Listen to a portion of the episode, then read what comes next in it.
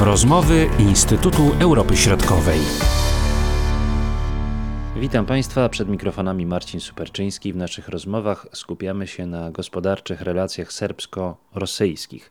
W ostatnim czasie doszło do porozumienia obu państw, które dotyczyło cen gazu. Serbia przez najbliższe miesiące będzie kupowała rosyjski gaz za ceny ustalone jeszcze w 2013 roku. Prezydent Serbii Aleksander Vucic przedstawił to porozumienie jako osobisty sukces. Jednak w polityce i nie tylko nic nie ma za darmo. Wszystko wskazuje na to, że Rosja umocni swoją obecność w serbskiej gospodarce. A do takiego wniosku dochodzą nasi rozmówcy, doktor habilitowany Konrad Pawłowski i dr Michał Paszkowski. Dla Serbii dostawy rosyjskiego gazu są kluczowe. Rozpoczyna Michał Paszkowski. Faktycznie, jeżeli chodzi o Serbię w tej chwili, biorąc pod uwagę też strukturę importu gazu ziemnego, tym kluczowym partnerem jest Rosja. Około 85% konsumowanego gazu ziemnego w Serbii pochodzi z tego kraju, około 15% to jest wydobycie krajowe. No i faktycznie y, tutaj ten fakt, jakby rozmowy, które trwały z Rosją, dotyczyły właśnie importu gazu ziemnego od 2022, gdyż ten kontrakt faktycznie y, podpisany w 2013 roku kończy się właśnie w tym roku. Natomiast tutaj z tych informacji, które y, są wiadome, strona serbska razem z rosyjską doszły do porozumienia, o co też w ogóle strona serbska zabiegała, żeby przedłużyć o około 6 miesięcy istniejący właśnie kontrakt gazowy, żeby tak naprawdę umożliwić tańszą, tańsze dostawy gazu ziemnego, gdyż w oparciu o ten wcześniejszą formułę, wcześniejszy kontrakt, y, dostawy, jakby ten, ta cena kształtowała się w okolicach 270 dolarów za 1000 metrów sześciennych.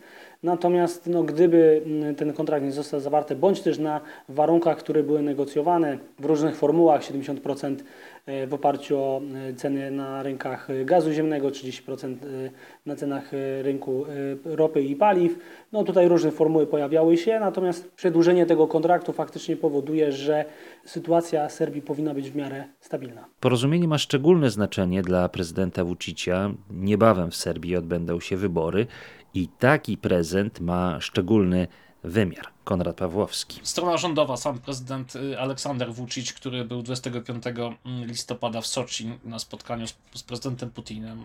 Dość emocjonalnie zresztą relacjonował to spotkanie, wskazując, że jest to wielki sukces z jednej strony, jest to też y, no, element przyjaźni tradycyjnej przyjaźni serbsko-rosyjskiej. No oczywiście wcześniej też wskazywał prezydent, że to jest bo jest kryzys energetyczny, światowe ceny skoczyły. Ten kryzys y, no, budzi też, y, budził pewne obawy y, strony serbskiej, jak, jak wielu innych państw, bo te ceny energii oczywiście skoczyły, skoczyły w górę prawda, wyzwaniem jest dla każdej gospodarki, a dla takiej gospodarki jak Serbia pewnie jeszcze większym, bo to nie jest oczywiście duża gospodarka. Więc y, w sensie politycznym jest to przedstawione jako sukces strony rządowej czy prezydenta, potwierdzający te wyjątkowe relacje z Rosją. Natomiast y, przeciwnicy polityczni, część analityków wskazuje, że to jest y, prezent w istocie przedwyborczy bo ta niska cena gazu to jest oczywiście element, który się potem przekłada na cenę e, energii elektrycznej w Serbii, a to się też przekłada na zadowolenie społeczne, a właśnie w kwietniu,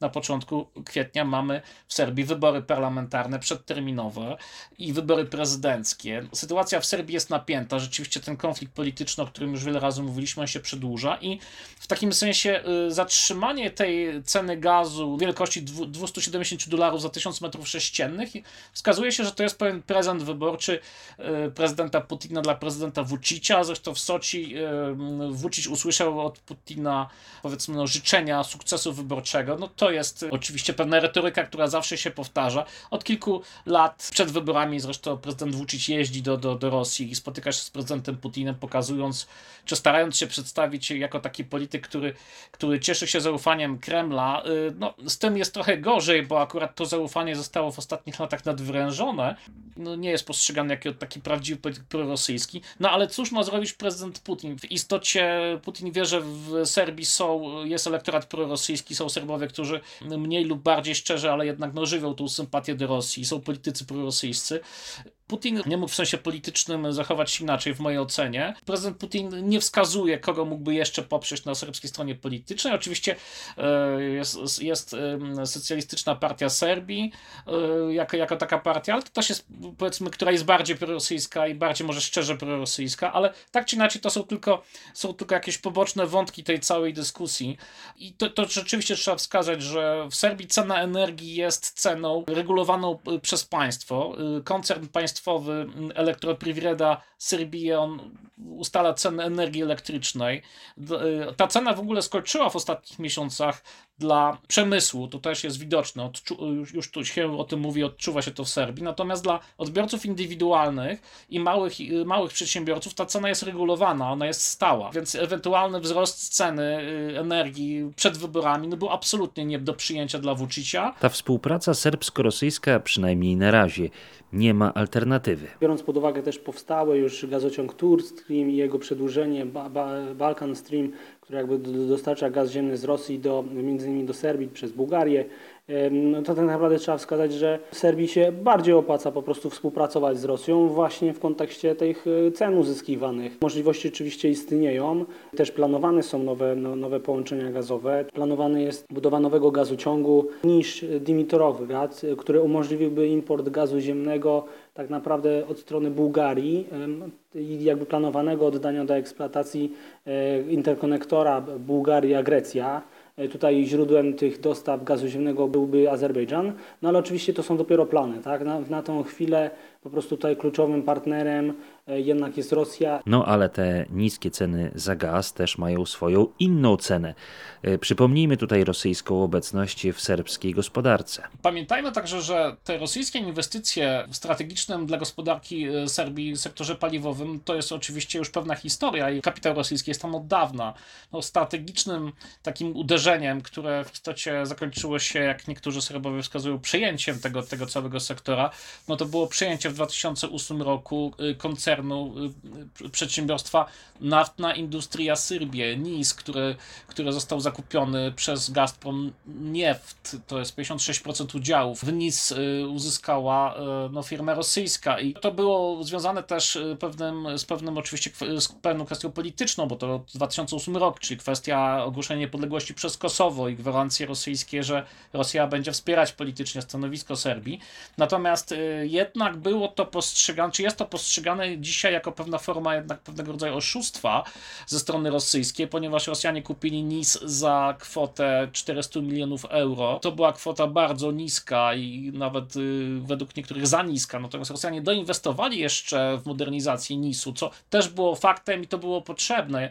Około 500 milionów euro, ale to zostało zrealizowane w formie pożyczki celowej udzielonej na 14 lat, które NIS y, spłaca Gazpromowi do dzisiaj. Pamiętajmy jeszcze, że przy tym zakupie tego koncernu NIS Rosjanie wynegocjowali bardzo niską cenę wydobycia. Dostali dostęp do, do zasobów Serbii, zasobów ropy i gazu szacowanych na, na około 7 miliardów euro. Podatek, który NIS, czyli no Gazprom faktycznie płaci państwu serbskiemu, to, to jest y, od wydobycia tych kopalin, to jest podatek w wysokości 3% wartości dochodu.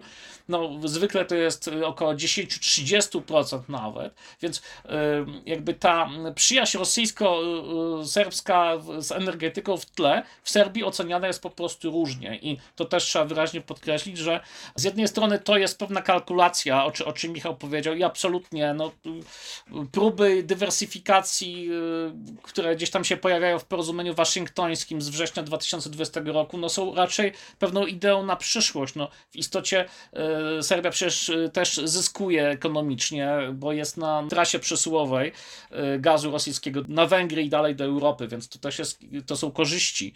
Z drugiej strony to jest po pierwsze wzmocnienie uzależnienia od gazu rosyjskiego, czyli brak dywersyfikacji, który zawsze jest niebezpieczny, szczególnie w przypadku rosyjskim, gdzie tam za tą presją ekonomiczną idzie kwestia polityczna. Duszan Bajatowicz, dyrektor koncernu gazowego e, Syrbia Gaz, no to to jest e, polityk, e, który, którego Rosja nie pozwala wymienić w, w Serbii, co pokazuje tą specyfikę całą wpływów obecności rosyjskiej w energetyce raz, ale tak naprawdę w serskiej polityce. I to jest e, pokazywane jako zagrożenie dla, e, dla rozwoju państwa. No i niebawem Rosja wzmocni swoją obecność w Serbii. Obecnie jest już niemal pewne, że kolejne przedsiębiorstwo, petrochemia w miejscowości Panczewo, zostanie przyjęta przez rosyjski Gazprom. No to oznacza, że znaczy faktycznie przez koncern NIS prawdopodobnie do końca tego roku przejmie właśnie petrochemię, której większościowym udziałowcem jest nadal Skarb Państwa, czyli państwo Serbia.